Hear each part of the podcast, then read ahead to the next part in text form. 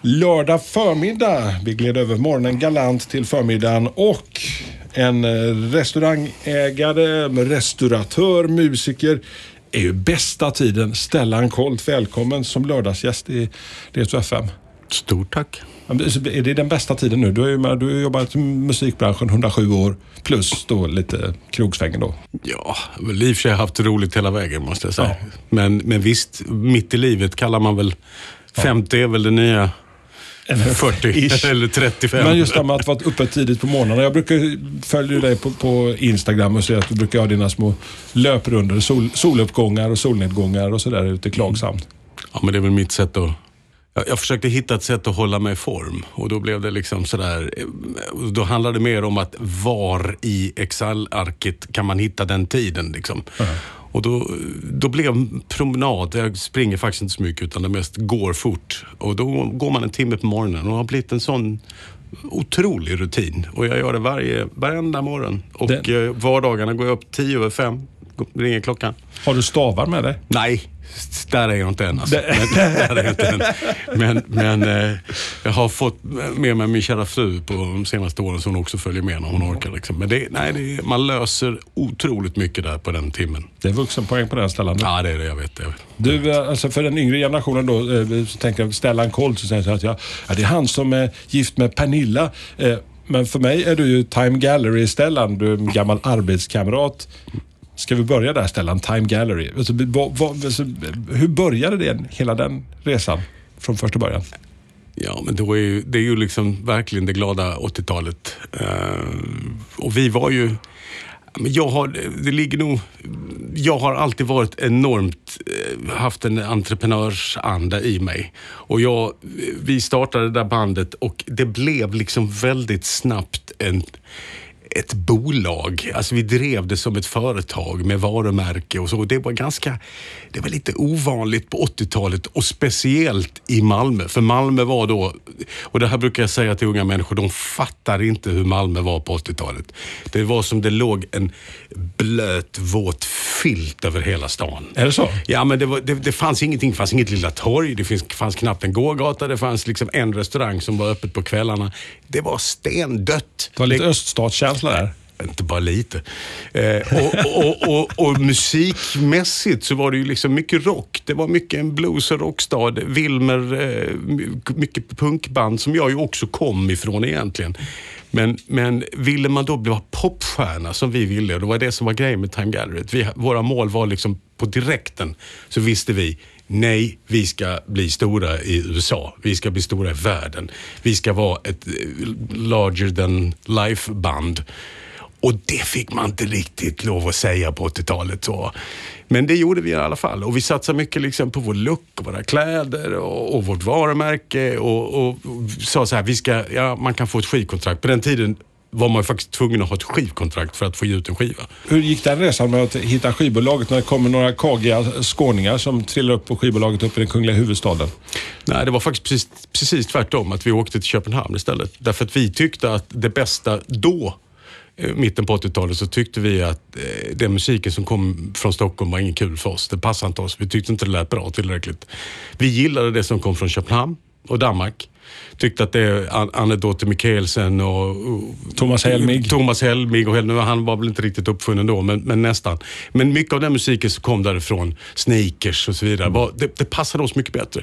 Så vi sökte oss faktiskt till Köpenhamn och det här var ju innan Google, så att man fick ju liksom, mm. man fick ju bara luska reda på, så vi luskade reda på att det fanns en kille som hette Nikolaj Fors och han var the uh, upcoming producer och eh, uh, A&R man i Köpenhamn. Så det, och det, som sagt, man kunde inte googla upp det utan man fick ju bara luska reda i danska telefonkataloger. Vi fick var bodde han? Nej, vi fick inte riktigt, riktigt reda på det. Men på omvägar fick vi reda på att han skulle gå på fotbollsmatch någon gång 1985.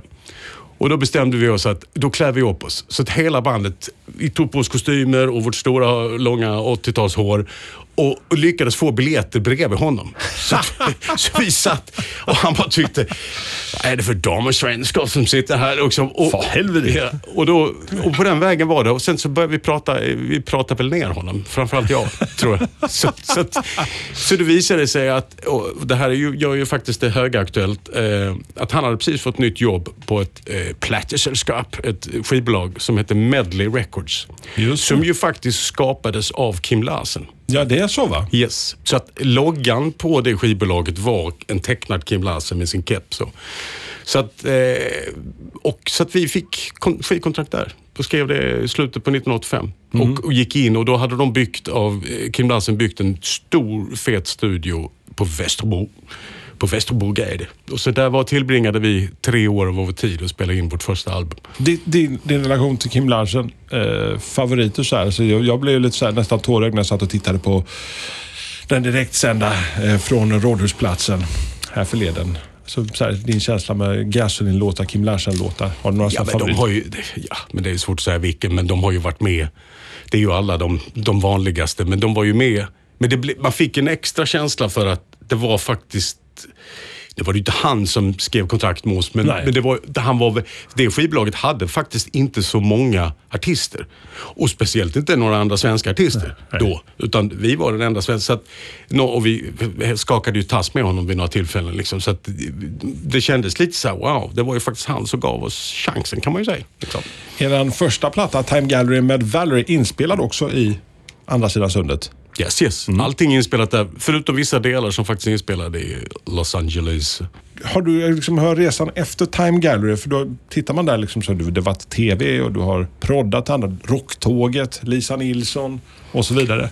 Ja, men det var väl, det var väl alltså så här, Time Gallery var ju Kanske man dör just på Valerie, men, men man hör på andra låtar så, så, så vi var ju väldigt, förutom att vi var drivna med vårt varumärke och att vi skulle bli stora, så var vi också drivna musiker. Extremt drivna musiker. Och på den, det var ju så att det, det här var ju liksom lite pre eh, att allting kan göras i datorn. Utan här var man ju tvungen att... Hantverk. Det var, han, ja, det var faktiskt ett hantverk och det var ett hantverk att lära sig spela som en trummaskin. Liksom. Och, och, så att, jag var ju då trumslagare i bandet och man var väl rätt hyfsad på sitt instrument tror jag. Liksom. Så att direkt när vi la ner Time Gallery då, 91 tror jag vi la ner ungefär, tror det. Ehm, så fick jag jobb på en gång som musiker. Liksom. Så att jag fick, jobbade jättemycket i Malmö. På, då, på den, just då, 90, början på 90-talet, så fanns det rätt mycket scener i Malmö man kunde spela på. Så att jag spelade ju med fem, sex band samtidigt. Inte samma kväll på samma scen, men med olika band. Och, så att jag var ju jämt ute och spelade och mycket i studio. Eh, och, sen, och sen började det ringa från Stockholm och jag fick möjligheten att åka med stora turnéer eh, och gjorde det fram till 96. Vad är det största du har gjort Stellan? Under så här, som, du, så här, som du fortfarande om du ska berätta för barnbarnen någon gång. Liksom. Ja. Ja, men det, men de, alla de turnéerna var ju roliga. Det var ju stora sommar, sommarturnéer är ju kul. Om det så var Rocktåget eller om det var eh, spela med Lisa Nilsson. Jag menar, jag kommer ihåg vi gick på, det fanns en festival i Sverige som heter Hultsfredsfestivalen som någon kanske kommer ihåg som var en av de stora. Och, och det var lite, det var ju en väldigt rock-indie-festival. Men då hade man bokat Lisa Nilsson till stora scenen, den stora Hawaii-scenen heter det väl, på lördagskvällen klockan 10 tror jag vi skulle gå på.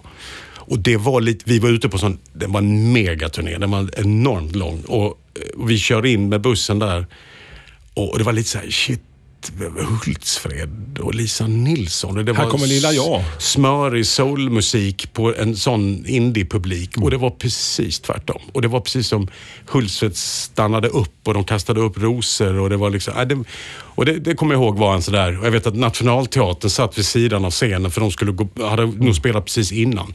Och jag vet att de satt där gubbarna och nickade och tyckte liksom wow. Och då kändes det Dageby och liksom- company. Ja, men då kändes det lite så här, wow, det, ja, det var gött. Och sen så, TV kom ju liksom naturligt på där. Vi fick jobbet som att bli husband. På, var på den tiden SVT hade fasta husband. Du och Eddie Nyström. Bland annat ja. Ja, Så också- våra gamla arbetskamrater här. Exakt. Ja. Så att eh, vi var ju där i fem, sex år och gjorde all chans alla. Och vi började med ett program som heter Centralen som var ett direktsänt stort magasinprogram på lördagarna eh, med massor av musik byggde på musik. Och vad hette den programledaren? Ja, hon heter Pernilla. Ja, och det var där sen Askungesagan lite grann alltså. Ja, men vi, jo, men vi träffades där. Jo. Men ni, ni jobbar i samma bransch. Hur är, hur är det att ha en fru som jobbar också i den här lite turbulenta mediebranschen? Nu jobbar du in, inom eh, krogvärlden just nu och lite musik också såklart. Men Ja, men det, det, vi har alltid stöttat varandra och det har alltid...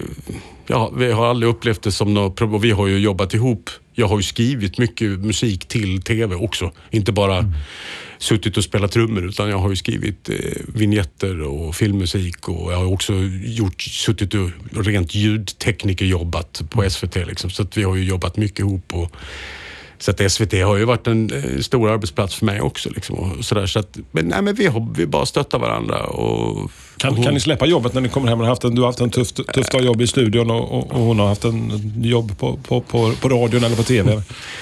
Ja, vi är rätt duktiga på det. Du, alltså Los Angeles, alltså vet jag, när du och jag jobbade tillsammans, vet jag, du berättar rövarhistorier. Så du, du bodde i Los Angeles en, en, en veva av livet.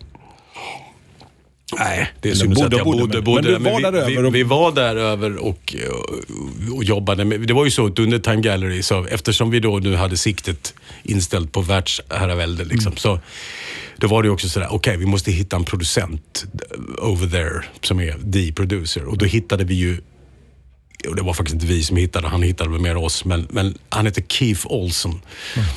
Och han hade då alla producerat Fleetwood Mac och allt, allt, allt. Så. Och han eh, var i ett gyllene läge i sitt liv just då och fick, hade fått av Atlantic Records, fått en egen label där på Atlantic. Där han skulle plocka fram nya begåvade unga band. Liksom. Och där han, då vi var första bandet han hittade. Så att vi, eh, han kom först över hit och, och så var vi och började, och då var vi nästan färdiga med skivan. Men då ville han ju liksom sätta sin prägel på det. Så att då proddade han ju om en massa plus att vi spelade in en massa nytt. Och så åkte vi över till LA och mixade skivan där hos honom. Och då var... Och vi var så, alltså vi var så fruktansvärt jobbiga. Alltså. Vi, var- vi var, vi var såna, när man tänker, jag stod och pratade faktiskt med vår gitarrist Fredrik Bergengren för ett tag sedan om detta. Att vi var inte kloka. Vi, han blev så arg på oss vid något tillfälle, Keith Olsson i studion. För vi höll på att tjafsa om någon saxofon, jag kommer inte ihåg vad det var. Ni dryga er helt enkelt lite Ja, så. vi var så dryga så det var, hälften kunde vara nog. Så att han tog eh, liksom någon stor jävla diskettlåda och slängde in det i det stora mixerbordet så det rök och, och bara försvann i två dagar för att han var så arg på Och oss. då ska den yngre generationen veta att disketterna på den tiden var betydligt hå- hårdare och större. Det var ju stenkakor på den tiden.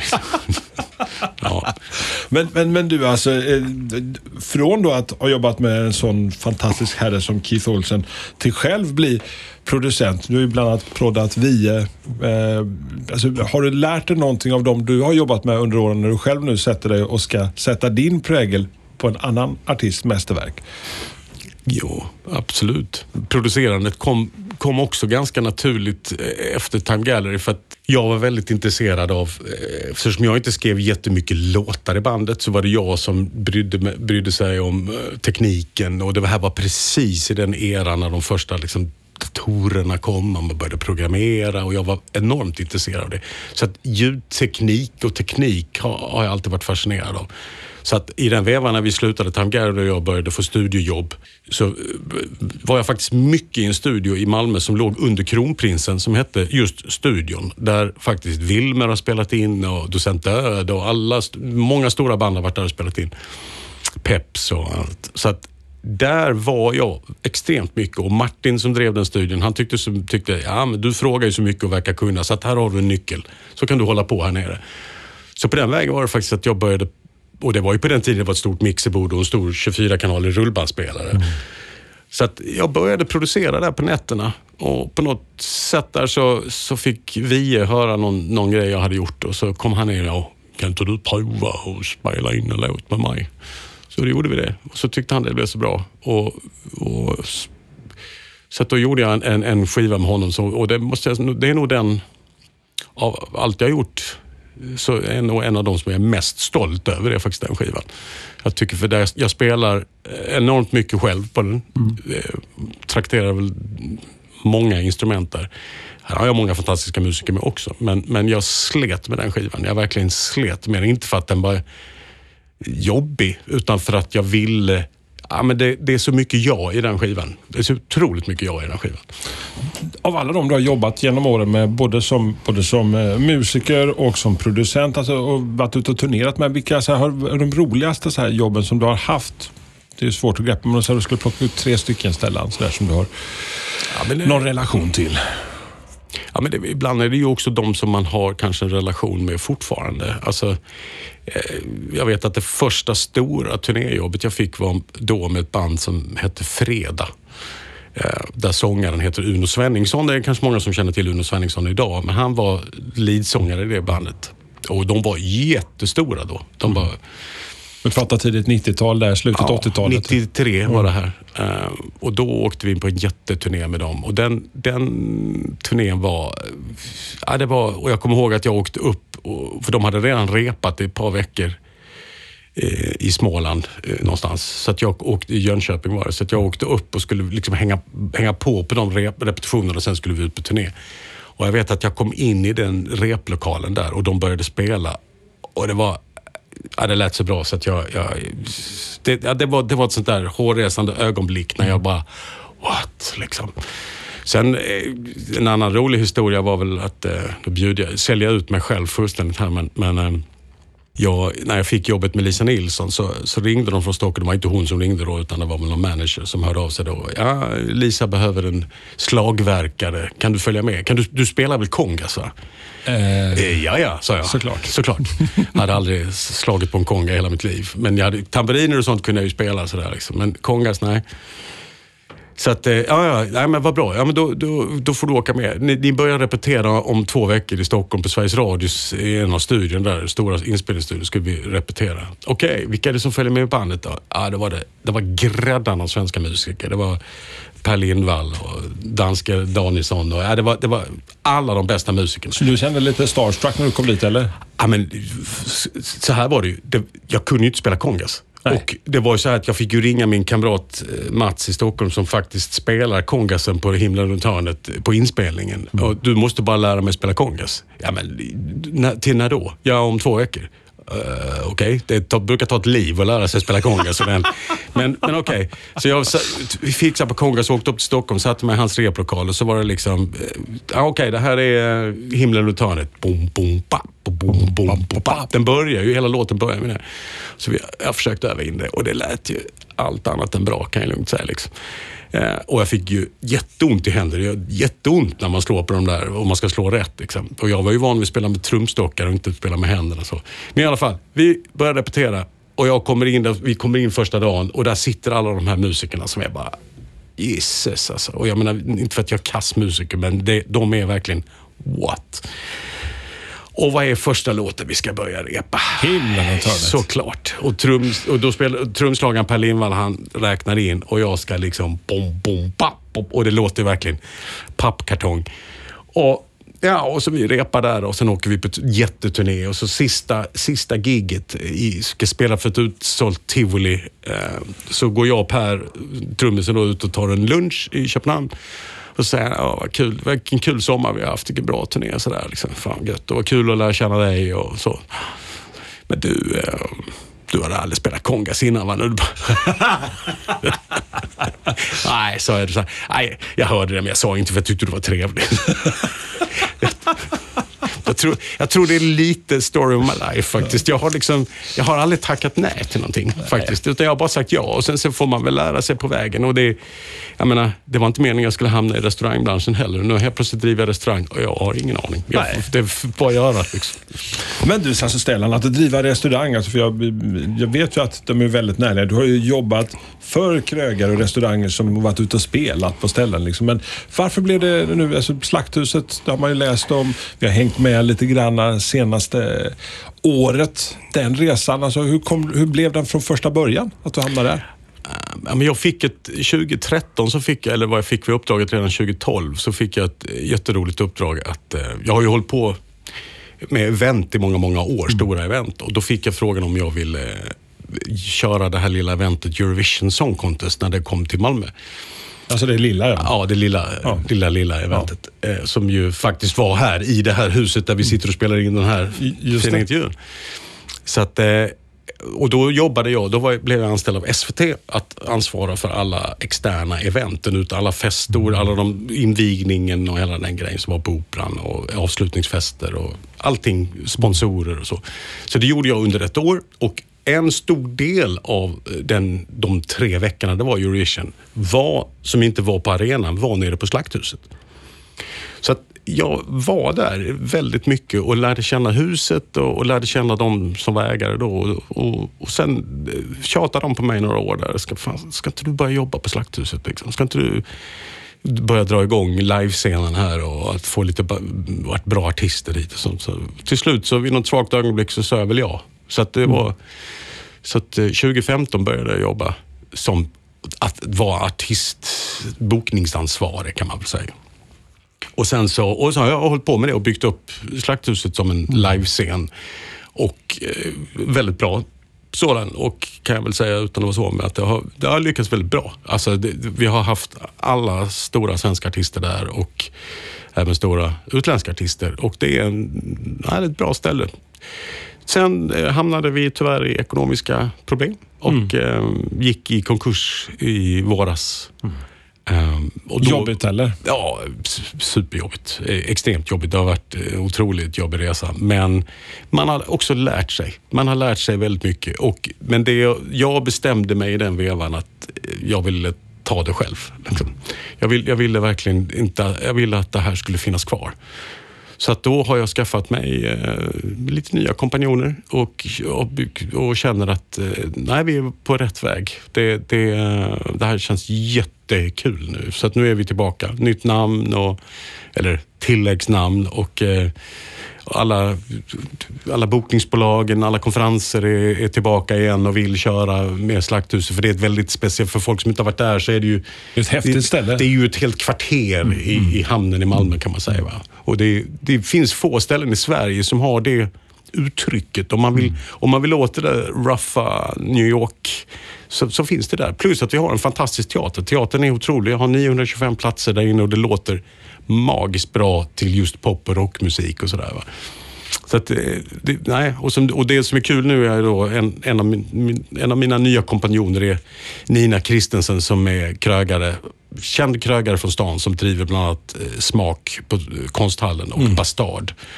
Och så, hon så jag ville verkligen få in någon med riktig krögarerfarenhet som kunde Men du är en passionerad matlagare också Stellan. Det vet jag ju sedan hundra år. Absolut, absolut. Ja, men jag tycker det är kul, men, men det är en annan sak att driva restaurang. Det är liksom...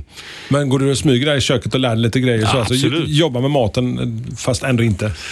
Ja men absolut. Och, det är ju en diskussion med, med, med kockarna hela tiden vad vi ska ha på menyer och, och så. Men, men, men det, och det, är, det är jättekul. Men man ska ha så här, jag tror att jag har en väldigt ödmjuk inställning till dels att driva restaurang men också till att driva ett nöjesställe, konferensställe för att du- du ska ha hand om människor och du ska ha hand om mycket folk. Jag måste fråga dig Stellan, samlar du på någonting? Jag kommer ihåg jag samlade på massor med saker när jag var liten. Jag samlade på bioaffischer, jag hängde utanför den lokala biografen, plockade ner när tanten skulle byta ut bioaffischerna för veckan. Jag har samlat på kapsyler. När man blir äldre så kan man ju samla på större saker. Trumset är något du samlar på? Ja, det, skulle man, det skulle man kunna tro, tanke på hur många jag har haft. Ja, men samlar... Alltså jag är nog... Jag är inte så... Um, jag är inte, jag är inte så blödig när det gäller att, att, att sälja av, eller nostalgisk. Jag säljer av. Jag tycker inte det finns någon mening att ha grejer på hög. Det har jag aldrig Men om tyckt. du har samlat någonting så här, som du har, Ja, så här, men bara det- för att det nej, var... men sen har jag väl liksom fäblesser för liksom, du vet, jag kan samla vin, jag kan samla skor. Jag är skofetischist, så jag har ju mer skor än eh, vad man, man borde ha. Vad är det coolaste paret du har?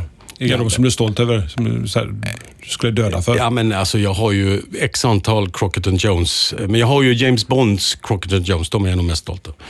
Alltså, alltså, vad, vad, är, vad, vad är det för eh, special med dem? Alltså, de finns bara på ett begränsad upplaga? Ja, det, var, det var så då de gjordes för förra Bond-filmen och han Ja. hade dem. Och de, ja, de var, det, det är väl de. Så det är det, det du unnar dig på gamla dagar så? Ja, men det är väl det. Det är väl liksom det och vin, möjligtvis. Till sist måste jag fråga, en låt som har betytt otroligt mycket för dig under din uppväxt. En låt som du fortfarande kan lyssna på idag och känna gött alltså. Ja, då förutom Valerie då. Hur lång tid har vi på oss? en får du välja. En? Ja. De, det måste faktiskt bli I will follow med U2. Um, och, och, Den korta storyn med det är att uh, det fanns ett program som heter Måndagsbörsen. Som var det musikprogrammet i Sverige. Jonas Hallberg. Yes. Och han gjorde några legendariska intervjuer som man kan faktiskt finns på YouTube och titta på. Uh, bland annat med Bono. Vilket, eh, och då, spel, då var U2, jag hade precis bara läst om dem i, i jag köpte mycket engelsk musikpress. Mm. Och då, hade, då skrev man, de har släppt en, en, en låt, en singel. Och, de och det var I will follow. Och så spelade de på musik, eller på eh, Måndagsbörsen. Måndagsbörsen några veckor senare och det var bara så här, wow. Det var, ah. Så att U2 är nog, I will follow, det var det som satte igång det faktiskt. Och jag ville vara alla dem tillsammans. Liksom. Ja, men det är du fortfarande Stellan. Ja, tack. Stort tack för att du tog dig tiden. Stellan Kolt, lördagsgäst i Retro FM. Tack.